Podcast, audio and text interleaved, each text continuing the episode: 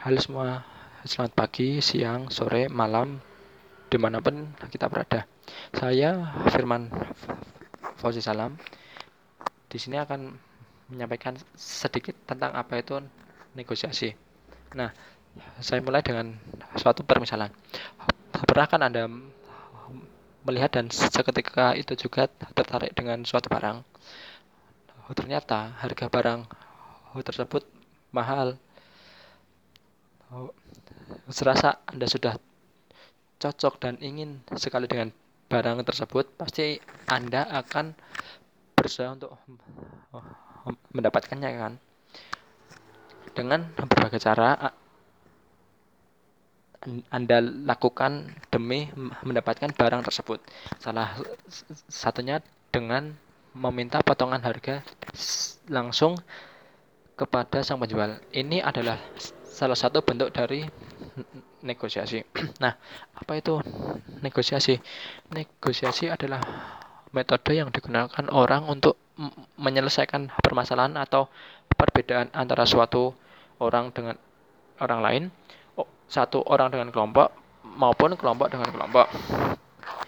Negosiasi ini adalah proses di mana kompromi dan kesepakatan perlu diusahakan untuk dicapai untuk oleh pihak-pihak yang berkepentingan dengan menghindari argumen pemecah dan perselisihan untuk menemukan kesepakatan yang dapat diterima dan menguntungkan pihak-pihak yang bersangkutan. Saya pakai permisalan lagi. Si A dan B berselisih. Si A pasti akan secara wajar dan tidak sadar ingin mencapai hasil terbaik untuk dirinya. Si B juga demikian, ingin uh, hasil terbaik untuk dirinya. Oh, tidak bisa dong dua-duanya sama-sama menang. Nah, negosiasi memiliki peran penting di sini untuk mencarikan titik tengah di mana kedua belah pihak tersebut mendapatkan keuntungan atau nilai positif dengan meminimalisir kerugian atau nilai negatif dari pihak yang bersangkutan dengan mempertimbangkan prinsip keadilan, keuntungan bersama dan menjaga hubungan. Apa saja proses-proses negosiasi? Yang pertama, persiapan.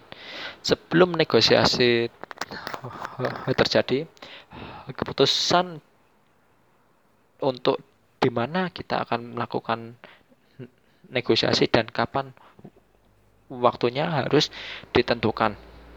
Yang kedua, diskusi dan klarifikasi tujuan. Pada tahap ini, pihak-pihak yang bersangkutan saling memberikan poin-poin yang mereka anggap benar dan ditujukan kepada pihak lain yang bersangkutan. Dari penyampaian dan diskusi ini, tujuan, kepentingan, dan sudut pandang dari kedua belah pihak yang bersangkutan harus diklarifikasi dan diutarakan. Yang ketiga, negosiasi. Tahap ini berfokus pada apa yang disebut dengan win-win atau sama-sama menang, di mana kedua belah pihak merasa telah memperoleh sesuatu yang positif melalui negosiasi dan kedua belah pihak tersebut merasa sudut pandang mereka telah dipertimbangkan dalam pengambilan keputusan. Yang keempat, persetujuan. Jika kesepakatan telah dicapai, persetujuan dapat ditarik dan diakui oleh pihak-pihak yang bersangkutan. Yang terakhir, penutup dan implementasi dari perjanjian dan persetujuan tersebut apa yang telah apa yang menjadi persetujuan harus dilaksanakan oleh pihak-pihak yang bersangkutan tanpa terkecuali.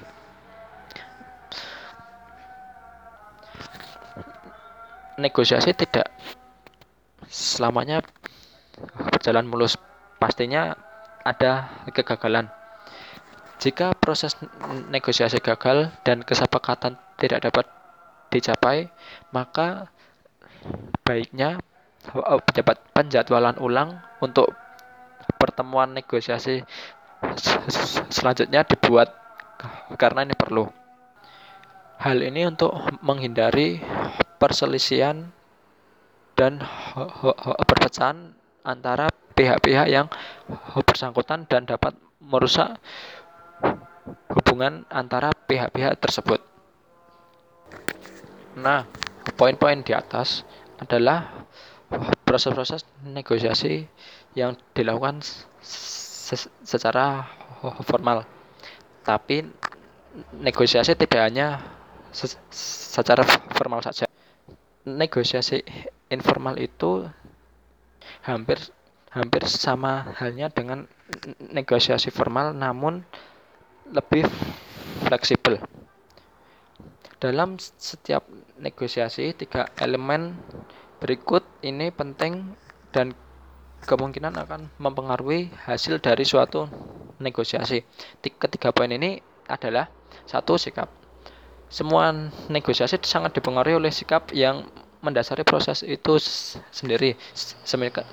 Misalnya, sikap individu atau kelompok terhadap masalah dan kepribadian yang terlihat dalam kasus tertentu. Yang kedua, pengetahuan. Makin banyak pengetahuan yang Anda punya tentang suatu masalah, maka makin besar partisipasi Anda dalam proses negosiasi. Yang ketiga, kemampuan interpersonal. Kemampuan ini meliputi komunikasi verbal yang efektif, kemampuan mendengarkan, mengurangi salah paham, penyelesaian masalah, pengambilan keputusan, ketegasan, dan menghadapi situasi yang sulit. Kemampuan negosiasi dapat dipelajari, dilatih, dan diterapkan dalam berbagai kegiatan apa pun. Keterampilan negosiasi dapat bermanfaat dalam menyelesaikan perbedaan yang timbul antara Anda dan orang lain. Oleh oleh karena hal ini negosiasi sangatlah penting dalam kehidupan. Mungkin cukup itu dulu dari saya. Banyak kekurangan dari saya, tolong dimaafkan. And bye bye.